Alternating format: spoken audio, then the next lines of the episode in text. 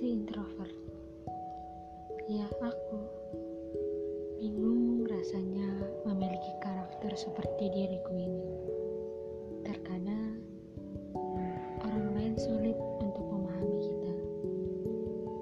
Kita yang sering menyendiri, berdiam tanpa kata.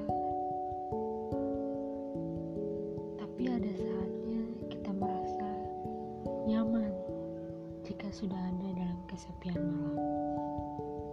Kita yang sulit mengungkapkan perasaan, rasanya ingin sekali